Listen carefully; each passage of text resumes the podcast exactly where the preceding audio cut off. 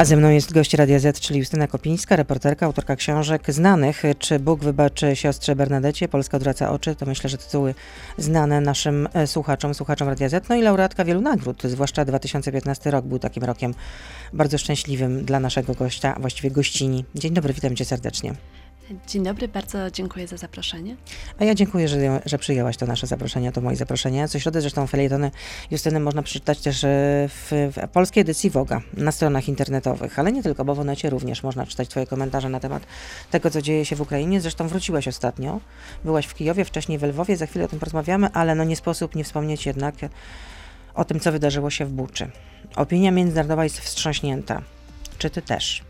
Czy spodziewałaś się, że e, rosyjscy żołnierze mogą posunąć się do tego typu działań, do y, terroru na y, cywilach? E, to była tak zwana, jak opisano, zaczystka, czyli że rosyjscy żołnierze polowali na mężczyzn, którzy są zdolni do noszenia broni, zabijali ich strzałem w tył głowy. Ci mężczyźni mieli związane z tyłu ręce. Kobiety były mordowane, wcześniej gwałcone. Rzeczy absolutnie przerażające.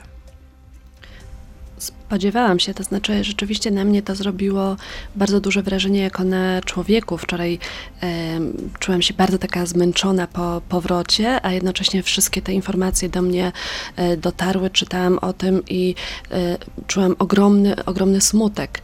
Natomiast jak rozmawiałam z żołnierzami w Ukrainie, to co mówili mi o e, armii rosyjskiej, to co mówili mi o postawie tych ludzi, o ich poglądach na temat narodu ukraińskiego, no to to zmierza w tę stronę.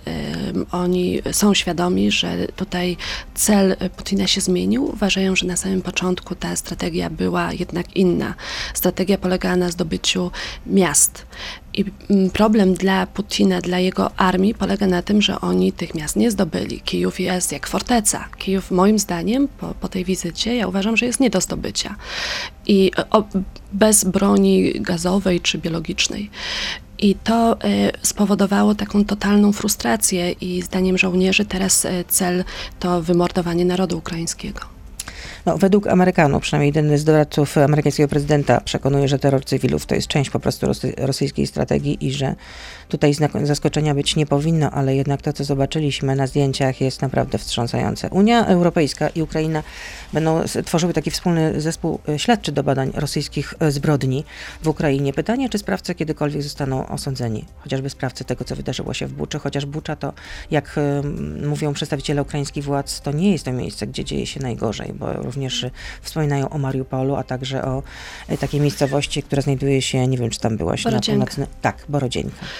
Y, tak, y, myślę, że jest oczywiście problem, jeżeli chodzi o osądzenie polityków, o ochronę immunitetów. To jest, y, to brzmi po prostu kuriozalnie. W ogóle dla mnie kuriozalnie też brzmi, brzmią wypowiedzi Władimira Putina, który teraz przy, przy okazji ropy, przy okazji jakiegoś handlu powołuje się na traktaty, powołuje się na dokumenty, powołuje się na prawo. Jak taki człowiek może teraz powoływać się na, na, na, na zasady prawne po tym, co zrobił?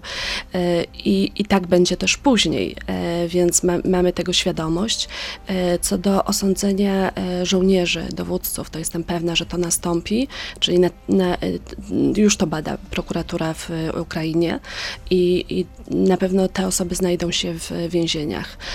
Jeżeli chodzi o polityków, to to na pewno będzie długotrwały proces. No, Carla Del Ponte, znana prokurator ONZ-owskich y, mm, procesów Trybunałów, y, między innymi jeśli chodzi o zbrodnie w byłej Jugosławii, powiedziałaś na ten temat. No i um, uważa, że y, Putina należy zatrzymać, powinien zostać osądzony absolutnie za te zbrodnie w Ukrainie. No, ale prawo mówi też o tym, że jako głowa państwa to przysługuje mu immunitet, to o czym wspomniałaś. Więc na razie jest to mało prawdopodobne. No i ja tutaj jestem pesymistką. A teraz wracając do ciebie i, i że wróciłaś z Kijowa. Wróciłaś y, dwa dni temu, tak? Tak. Widziałam zdjęcia, które zamieszczałaś w mediach społecznościowych, no to yy, mówiłaś, że Kijów jest, jest nie do zdobycia, ale widać tam wszędzie ruiny, że to miasto jest też zniszczone jednak. Ty w hełmie, w kamizelce y, kulotpornej bałaś się jadąc tam? Y, bałam się już na miejscu, y, nie bałam się jadąc tam. Pamiętam też, jak byłam w Lwowie, akurat, akurat wtedy spadły tam rakiety i ludzie byli przestraszeni.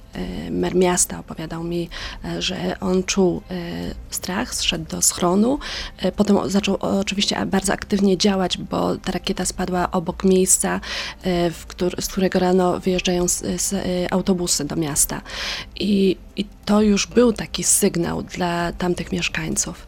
A jednocześnie oni mówili o takim totalnym przygotowaniu na wojnę, że oni się przygotowywali od 2014 roku, że mają liczne schrony, że mają świetnie wyszkolonych żołnierzy, że wszystko, e, cały strój, umundurowanie, e, broń, wszystko jest. I, i czułam tam taką absolutną odwagę, a teraz jak byłam w Kijowie, zrozumiałam, że w ogóle się nie da przygotować na wojnę. To nie ma takiego pojęcia, to znaczy ci ludzie e, w Kijowie są tak przestraszeni, cały czas tam słychać wybuchy, akurat wtedy te, te wojska wychodziły, a na sam koniec po prostu e, zrzucały jeszcze rakiety, więc y, czuć było taki ogromny strach i właśnie to, to te rakiety powodowały, że Kijów jest tak zniszczony. Bo jeżeli no tam chodzi, zobaczyłaś właśnie? Chciałam jeżeli chodzi zapytać. o miasto, to, y, to tak, każde skrzyżowanie praktycznie jest ufortyfikowane. Znaki są zdjęte, e, są mylące tropy. Bardzo trudno się poruszać po mieście dla takich osób jak ja, ale jednocześnie jak trudno się poruszać po mieście dla Rosjan, prawda, czy dla czołgów. Tam wszystkie, e, wszystko jest e, przygotowane już, już na to. Są oczywiście miny też, są takie specjalne kolce i jest tak, że jeżeli e, czołgi zwalniają na tych drogach wjazdowych do miasta z Żytomierza do Kijowa, to oni mają takie właśnie specjalne okopy, z których ostrzeliwują armię rosyjską. I to, co ja widziałam, to przede wszystkim dla mnie e, zaskoczeniem było to, że ci chłopcy, którzy wyglądają tak profesjonalnie w mundurach, w kamizelkach kuloodpornych, w hełmach, w 80% jak byłam w jednej z jednostek, to tam 80% to były osoby, które nigdy wcześniej nie miały broni w ręku. Czyli to byli nauczyciele. Jeden z panów był wcześniej wiceministrem do spraw sportu, czyli politykiem. Już, przy, już patrząc na samochody, jak zwróciłam uwagę, to z jednej strony były samochody typu e, Porsche, a z drugiej strony rozpadające się Skody bo y, osoby, które pracowały w sklepie na kasie, pracują teraz ramię w ramię z y, osobami, które były właścicielami jakichś... No mieli różny status materialny po prostu, zanim wybuchła wojna. Tak i, y, i współdziałają i są braćmi i rzeczywiście tam widać taką, takie absolutne zjednoczenie i determinację tych ludzi. Właśnie tu pisałaś, czytałam twoje wpisy, że jesteś poruszona odwagą tych ludzi, e, Ukraińców, e, że są tacy nieustępliwi wobec najeźdźców, I, a z drugiej strony są niezwykle życzliwi, mają wielkie serca i napisałaś, że wierzysz, że Ukraina zwycięży, ale jak? Dzięki temu przede wszystkim, że ci ludzie e, zostali znaczy dla mnie to jest niesamowite, jak rozmawiałam z panią e, Julią Tymoszenko i zobaczyłam, ile ona byłą rzeczy... Premier. Byłam, byłam premier, czy z wicepremierem. E, zobaczyłam, ile ci ludzie już e, rzeczy robią i jak starają się o to, żeby miasto było bezpieczne. I obok w pokoju był, obok był green room i tam akurat spotykali się posłowie i tak naprawdę mój kolega z Ukrainy mówi tak, Justyna, popatrz, oni tu wszyscy zostali. Niektórzy mają 70 lat, każdy by mógł wyjechać tak naprawdę, a jest, e, a, a, a są, działają, e, działają politycy, działają żołnierze, działają aktywiści, wszyscy są, rozmawiałam z dyrektorką szkoły, która mówi, ale ja uczyłam tutaj od 25 lat, ja nie wyjadę teraz, jak jest wojna, ja zostanę z moimi dziećmi. E, I ona stworzyła takie miejsce w piwnicach, gdzie właśnie śpi kilkaset dzieci malutkich. Obok też był budynek, w który trafił odłamek rakiety i rzeczywiście to, to jest dla mnie takie niesamowite. W tej szkole wszystkie okna były wybite i wyglądało to to, to, były tam miejsca takie absolutnie zrujnowane, e, zgliszcza, a jednocześnie widok tych dzieci, widok tej dyrektorki pełnej pasji. Jest tam, e, no, na wojnie są rzeczy takie bardzo okrutne, ale z drugiej strony w takich sytuacjach ekstremalnych też e, sprawdza się charakter człowieka, też jest bardzo dużo, dla mnie ci wszyscy ludzie są bohaterami, ci, którzy zostali w Kijowie. I to tyle w części radiowej. Justyna Komińska oczywiście z nami zostaje. Jesteśmy od teraz już tylko na Facebooku, na Radio ZPL, na YouTube, więc proszę zostać z nami. Beata Lubecka, zapraszam. A jak rozmawiałaś e, z tymi wszystkimi ludźmi, o których wcześniej opowiadałaś, e, z których każdy właściwie wykonywał przed wojną zupełnie inne zawody? Mm, To chodzi o mężczyzn, ale zostały tam również oczywiście kobiety. Y, To co oni mówią, Oni mówią... y, mieszkańcy Kijowa? Mhm.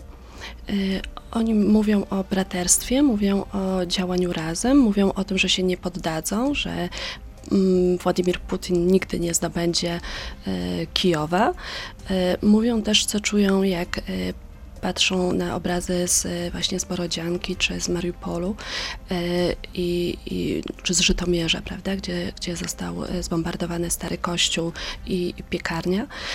Mówią, że czują taką ogromną e, bez, bezsilność e, wtedy, gdy patrzą na tamte miejscowości, a jednocześnie to, że potrafili obronić e, swoje własne miasto, dodaje im tej siły.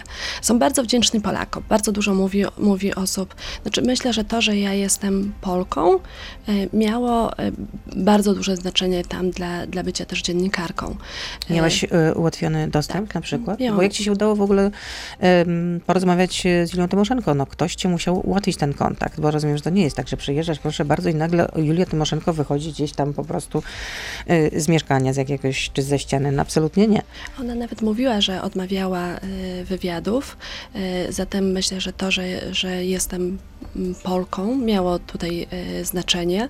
Dla żołnierzy miało na pewno znaczenie to, że y, też y, strzelam, też jestem osobą, która ma pozwolenie na broń, która ma patenty strzeleckie na różne rodzaje broni i która ja, ja dużo, ym, dużo rozmawialiśmy o takich absolutnych podstawach tam, jeżeli chodzi o, o wojsko i te działania, ale też właśnie mm, miałam przykład rozmowy z dowódcą, który właściwie nigdy nie zgodził się na żadną rozmowę do tej pory z e, dziennikarzem i próbował mi wyjaśnić, jakie on brał udział na, e, w bitwie na lotnisko, o lotnisko w Doniecku, więc takiej naprawdę to, to dla wszystkich e, żołnierzy to, że ktoś bierze udział już w takich w, w takich walkach ma naprawdę bardzo duże znaczenie dla jego merytorycznej e, wiedzy.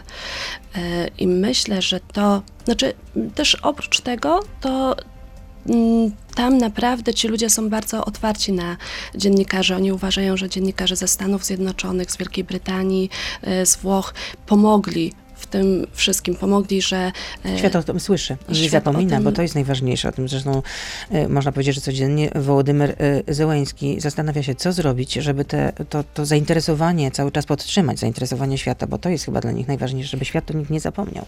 Są bardzo dumni z prezydenta, są bardzo dumni z mera Kijowa, z pana Kliczko.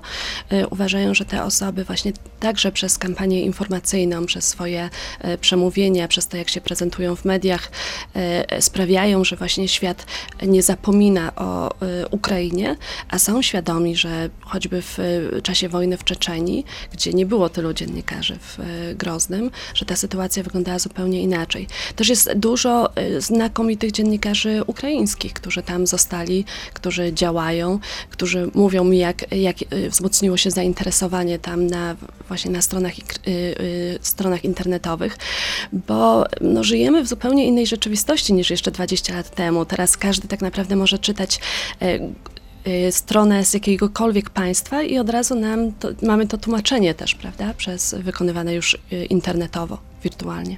A były jakieś takie sytuacje, kiedy byłeś teraz w Kijowie, naprawdę niebezpieczne?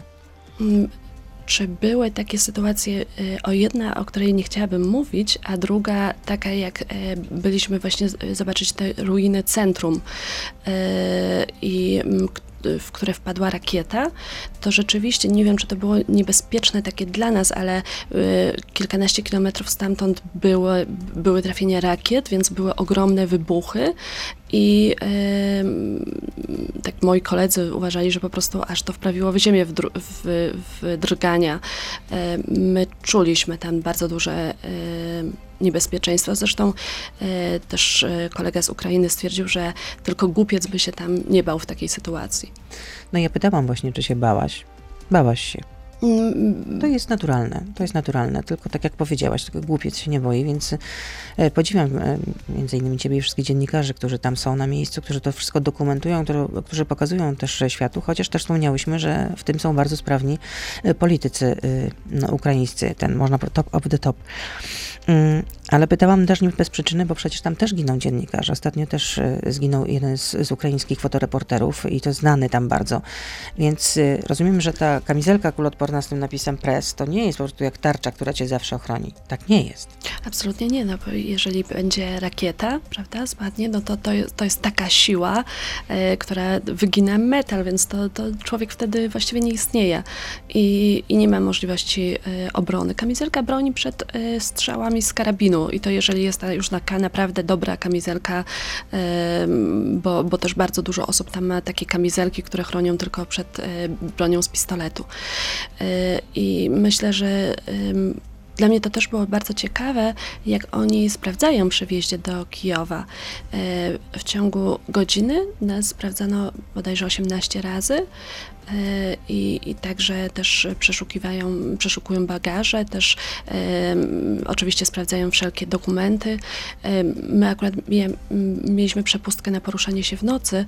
Zwykle jest tak, że nie można już poruszać się po godzinie, po określonej godzinie, przez całą noc już nie można tam wjeżdżać. Czyli ty nie pojechałaś tam sama, pojechałaś jeszcze z kimś, tak? Rozumiem? E, ja się tam poruszałam z, po, po mieście, to znaczy ja tak, e, miałam też kolegę z Ukrainy, który jest z sektora bojowego i dlatego miał taką przepustkę. Co to znaczy, że jest z sektora bojowego? Nie bardzo mogę chyba opowiadać. A, rozumiem, to jest y, no jednak owiane tajemnicą. I dobrze, i niech tak pozostanie. A jak wygląda tam takie mm, no, zwykłe, codzienne życie? No bo ono się jednak toczy.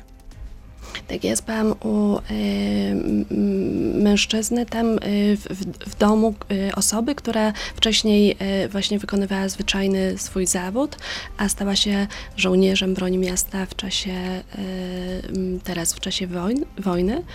I na pewno jest w domu taka e, bardzo duża serdeczność, bo tam byli też jego rodzice, którzy, e, mama e, starała się przygotować jakieś pyszne jedzenie i stała, starała się dbać, żeby w tym całym poczuciu takiego niebezpieczeństwa i zagrożenia, żeby był też spokój, żeby też był oddech.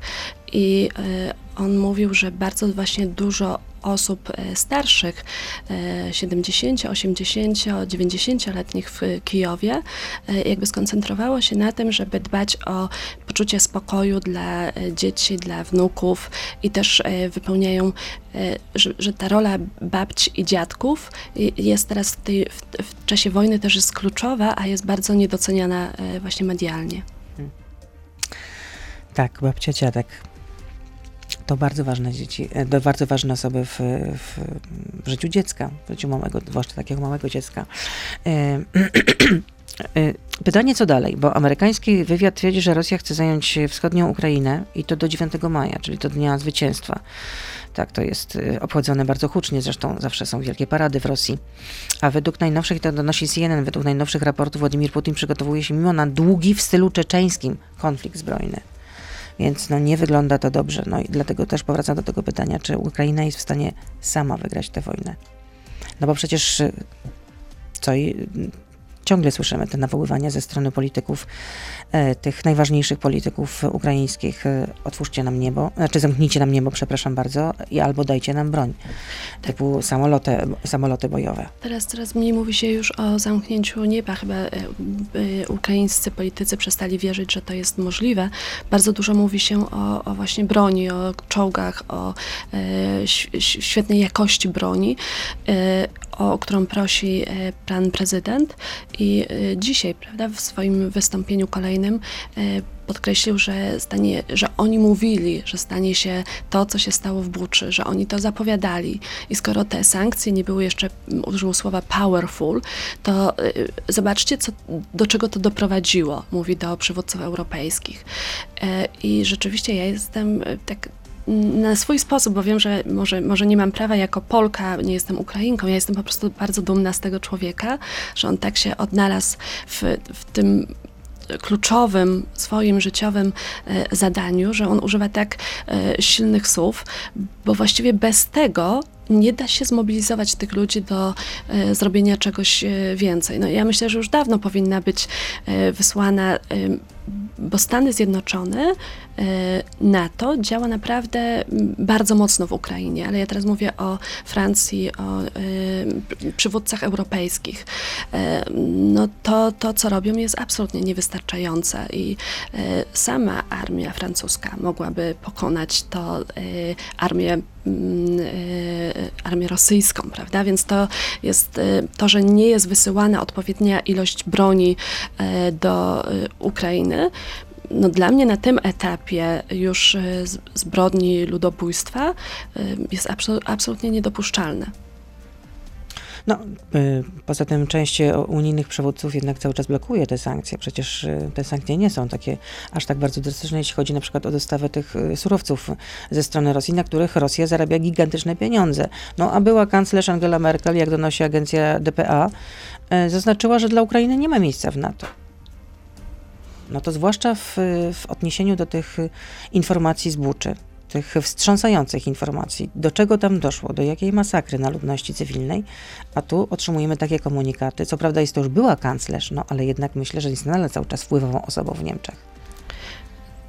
To myślę, że to jest, y, że, że to jest coś niesamowitego, że ona użyła takich e, słów na tym etapie jeszcze wojny, bo o tym można mówić za e, pięć lat, prawda? Jak już będziemy się zastanawiać, czy mamy, e, jakie mamy wartości, co nas łączy, jak to powinno wyglądać, ale na tym etapie wszyscy powinniśmy być solidarni z Ukrainą. Już nie mówiąc o tym, jak teraz rosyjscy działacze, którzy są przeciwko Władimirowi Putinowi, wypowiadają się na temat jego struktury mózgu, na temat tego, jak on pracuje e, i kogo on słucha.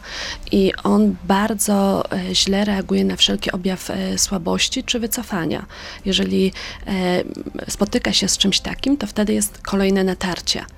E, dlatego- Eskaluje przemoc. eskaluje przemoc. E, Jedna z tych osób mówiła w CNN, że właśnie takim przykładem słabości jest Macron.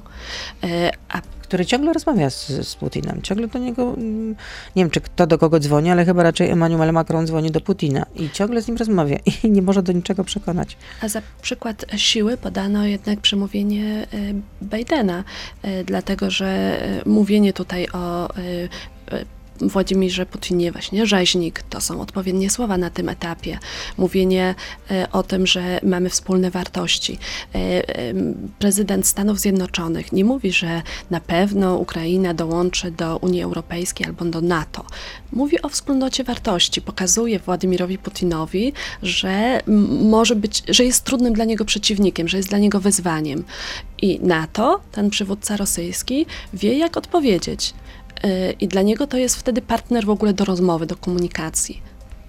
A czy tobie się mieści w głowie, że również u nas w, polity, y, w Polsce są politycy, którzy kwestionują w ogóle prawdziwość tej masakry y, w Buczy? Na przykład Janusz Korwin-Mikke swoich, y, na swoich mediach społecznościowych właśnie kwestionował prawdziwość tego, co się wydarzyło w Buczy. No to woda na młyn rosyjskiej propagandy, kremlowskiej propagandy. No zresztą rosyjskie portale to oczywiście ochoczo cytują. Mm, Myślę, że to. mm, Ja, ja w ogóle nie wiem, jak takie osoby jak Janusz Korwin-Mikke mogą działać politycznie w Polsce z jego poglądami. On kiedyś pamiętam, jak miał wywiad w BBC i potem dziennikarze w ogóle nie mogli uwierzyć, jak on zaczął mówić o kobietach, że kobiety w ogóle nie powinny być w polityce, że są Nie praw wyborczych. że są mniej inteligentne od mężczyzn i zaczął uzasadniać, co one mają w mózgu. E, Myślę, że, że Korwin-Mikke nie chciał, żebyśmy my tutaj tak rozmawiały w ogóle, prawda? On, on ma zupełnie inne e, poglądy i o ile wielość poglądów e, w świecie politycznym jest bardzo ważna, o tyle to, że już uważa się za kogoś niezdolnego do w ogóle podjęcia decyzji politycznej, to jest właściwie połowa społeczeństwa, powinno go przekreślić, moim zdaniem, dla, dla, dla możliwości bycia politykiem w kraju demokratycznym. No a te wpisy to już w ogóle są naprawdę absolutnie szokujące. No w Kijowie, bo wspominałeś, rozmawiałeś z Julią Tymoszenko i co powiedziała ci była premier? Mm, rozmawiałam z nią o jej obecnej aktywności. Ona zajmuje się y, wywożeniem osób z chorobami onkologicznymi, zwłaszcza dzieci. Y, rozmawiałyśmy o tym, jak y, wyglądał Majdan dwie dekady temu podczas pomarańczowej rewolucji, jak wyglądał Majdan 10 lat temu podczas Euromajdanu i to, że teraz obecnie widzimy Majdan absolutnie pusty. Ja tam byłam przez godzinę, w ogóle nikt tam tędy nie przechodzi, prawda? Serce miasta. W, w czasie protestów w 2013 roku było tam nawet 800 tysięcy osób na tym Majdanie. Ale wtedy nie było wojny, przynajmniej w Kijowie. Ale wtedy nie, było, e, nie było wojny i e, i to jest, to było dla mnie takie ciekawe jej perspektywa, bo ona miała tak wiele doświadczeń życiowych i spędziła też e, czas w, wiele miesięcy w kolonii karnej w Charkowie. Zatem opowiadała mi właśnie, jakie jak ona to widzi od środka i to, jak postrzega właśnie naród ukraiński i to, jak e, postrzega to, co się z tym narodem stało w czasie wojny. A jaka jest skala zniszczeń w Kijowie? ogromna. To znaczy e, też ciekawe było dla mnie to, jak my podeszliśmy pod ten dom, który właściwie jest taki rozłamany na pół. Dla mnie to było też bardzo poruszające. Tam jest taka ogromna e, dziura pod wpływem tej rakiety powstała, w której są takie zwykłe rzeczy domowego użytku. Krzesła, stoły, jakieś takie ubrania, coś, co każdy z nas używa no, wygląda to naprawdę. Mm, chyba trudno użyć w ogóle takich słów na określenie tych wszystkich rzeczy. To też jest niesamowite, że ja zawodowo zajmuję się słowem, a tak trudno dobrać odpowiednie właściwe y, słowa. I y, zapytałam panią, jak przechodziliśmy, gdzie to miejsce dokładnie jest, a ona powiedziała, że tutaj wszyscy powiedziała oczywiście, gdzie jest, ale powiedziała, że normalnie by nas jeszcze tam odprowadziła, a nie chce na to już nigdy więcej patrzeć i tutaj, że jej znajomi, jej sąsiedzi tamtędy nie przechodzą. Po prostu to jest droga, którą omijają. Podobnie jest e, z centrum, wielkim centrum handlowym, e, na które spadła rakieta i też tam zostało to też niesamowicie wygląda, jak jest cały parking i e, normalnie stały na nim samochody, to te samochody są całe e, spalone, są całe takie powyginane. E, to Państwo mogą zobaczyć na, na zdjęciach na moich, moim Instagramie, Justyna Kopińska. Widok też jest taki... Mm, Właściwie to nie wiem, czy to da się, w jakim, w, w jakim czasie da się to w ogóle odbudować i, i, stworzyć takie poczucie bezpieczeństwa, bo na razie jest tak, że w wielu miejscach są zgliszcza.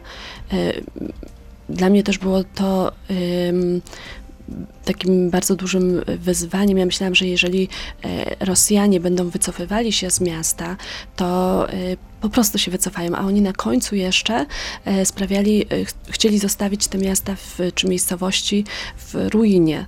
I jak wracałam, wracałam inną drogą z Kijowa, czyli chciałam zobaczyć, jak wyglądają te miejscowości dzień po wyzwoleniu, czyli te, w które dzień wcześniej toczyły się walki, czyli na przykład Makarów, Jasnochorodka i tak dalej. I, mm, I właśnie one wyglądają, one są praktycznie całe zniszczone. I nie wiem na jakiej podstawie, dlaczego ci ludzie nie e, decydują się po prostu strzelać między sobą w wojsku i toczyć e, wielką walkę dwóch armii, tylko jednak e, ja myślę, że, że żołnierze ukraińscy mają rację. Po prostu celem jest teraz zniszczenie narodu i terror, pozostawienie i.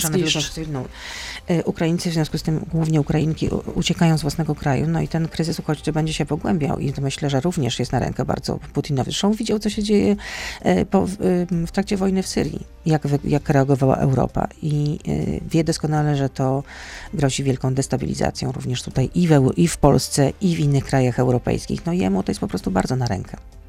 Myślę, że tak, bo wtedy... Poza tym no, zaczną padać pytania, na co przeznaczyć pieniądze? Czy więcej pieniędzy na własną obronność, czy na odchodzenie od rosyjskiego gazu i w ogóle od sprowadzania tych rosyjskich surowców, czy też na pomoc dla uchodźców, e, dla uchodźców, przepraszam. No i myślę, że będą się odzywać głosy sprzeciwu wobec uchodźców.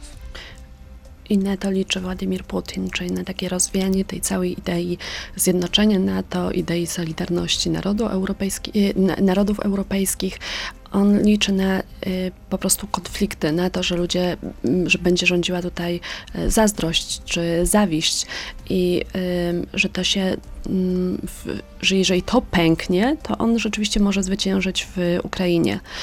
E, ale ja bardzo mocno wierzę, że, że nie. To znaczy, jeżeli ja widzę, jak e, Polacy zachowali się podczas e, tej wojny, to ja po prostu wiem, że było wcześniej, jeżeli chodzi o sprawę Syrii na tej, przy tej granicy białoruskiej, e, że były bardzo okrutne sytuacje, ale teraz e, ta, ta postawa Polski, to e, w jaki sposób działamy, na, mówię oddolnie, na ilu po prostu frontach i jaka pomoc tam idzie i militarna, i dotycząca zabytków, przecież też, też o tym rozmawiałam tam z konserwatorami, i pomoc humanitarna, i też pomoc przyjmowania tutaj osób w Polsce, to ja pierwszy raz y, za, za czasów takiego mojego życia jestem tak aż tak dumna z mojego, z mojego kraju.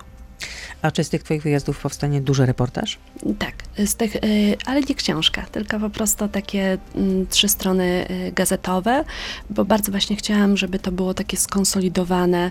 Y, jeszcze myślę, że będzie też trzeci wyjazd, żeby to, to było takie bardzo mocne i mam już strukturę reportażu opisaną po kolei takie, ja to nazywam u siebie tak drzewo, ale właśnie co jest trzonem tego reportażu, co będzie w E, niuansach i e, no, tak, no, moją taką największą pasją życiową e, jest pisanie. Mam nadzieję, że podołam temu zadaniu. To jeszcze chcesz wyjechać, tak? Rozumiem. To dokąd teraz chcesz wyjechać, jeśli chodzi o Ukrainę? Właśnie jeszcze nie mogę powiedzieć, dopiero jak wrócę. Okej, okay, rozumiem. Jest pytanie od słuchacza. Robert pyta, który wywiad był dla Pani najważniejszą rozmową w dotychczasowej karierze? Który wywiad lub y, pewnie rozmowa, bo ja przy, przy reportażach y, Trudno powiedzieć, y, który był najważniejszy, ale bardzo dla mnie ważna była rozmowa y, z rodziną y, wiceminister Moniki Zbrojewskiej. Pamiętam tę sytuację, kiedy pani wiceminister została zatrzymana pod wpływem alkoholu i przez to, że to była wtedy cisza wyborcza, to to stało Wiceminister się... Sprawiedliwości. Tak, tak. To stało się takim newsem na, na, na ogromną skalę w Polsce. Tabloidy się tym zainteresowały, ale też media i pisano o niej naprawdę obrzydliwe rzeczy. Tam padały wulgaryzmy i, i różne określenia.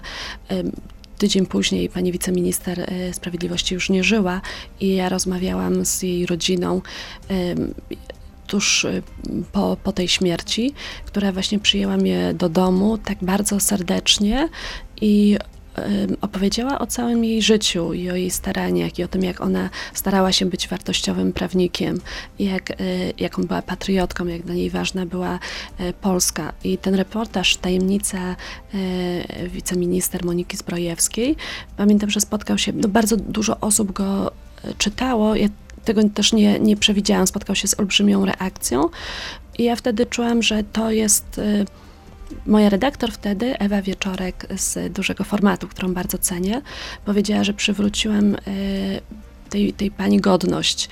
E, myślę, że to jest bardzo ważne w dziennikarstwie, żeby zawsze zrobić coś na rzecz e, tego do, dobra, tak bym to określiła. A jak pani wspomina wywiad z Małgorzatą Chmielewską, z siostrą Małgorzatą Chmielewską? E, pamiętam, że bardzo na mnie zrobiła dobre wrażenie e, z takiej oddanej osoby, takiej bardzo poświęcającej się.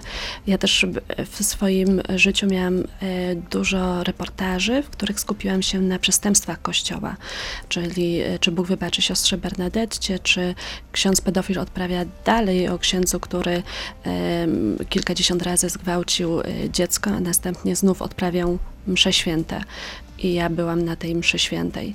I może też dobrze, że miałam taką możliwość spojrzenia na ten kościół od zupełnie innej strony i spotkania z osobą, która tak dużo robi na rzecz e, osób w okropnej sytuacji życiowej, która naprawdę pomaga, która, która też e, sama zaadoptowała e, dziecko z, z, z, z zespołem Downa, o ile się nie mylę, i która naprawdę mm, ma w sobie to, taką absolutną serdeczność, bo myślę, że gdyby nie takie też spotkania, to ja bym miała ja bardzo się staram jako dziennikarz, żeby pozostało we mnie takie obiektywne spojrzenie na rzeczywistość.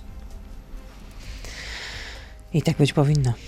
Bardzo dziękuję Justyna Kopińska, dziennikarka, reportażystka. Jak Państwo słyszeli, wraca na Ukrainę. Nie, przepraszam, to będzie trzecia podróż, ona nie będzie Trzecia. do Ukrainy, ale związana z wojną. Dobrze, to przepraszam, to nie będzie tym razem na Ukrainę, ale potem powstanie duży reportaż na ten temat. Bardzo dziękuję za tę wizytę w studiu. Pięknie dziękuję. To był gość Radia Z. Słuchaj codziennie w Radio Z i na player radioz.pl.